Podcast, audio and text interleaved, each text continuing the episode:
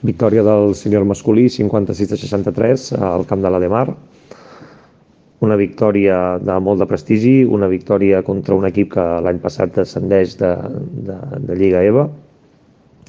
Eh, els primers 20 minuts han sigut excel·lents, la veritat que, que hem jugat molt bé, hem defensat millor, hem controlat el rebot i, i destacar una miqueta el, el joc ofensiu a nivell coral, no? el compartir la pilota, els som avantatges, crec que hem tornat una miqueta a l'inici i, i això, això és molt positiu.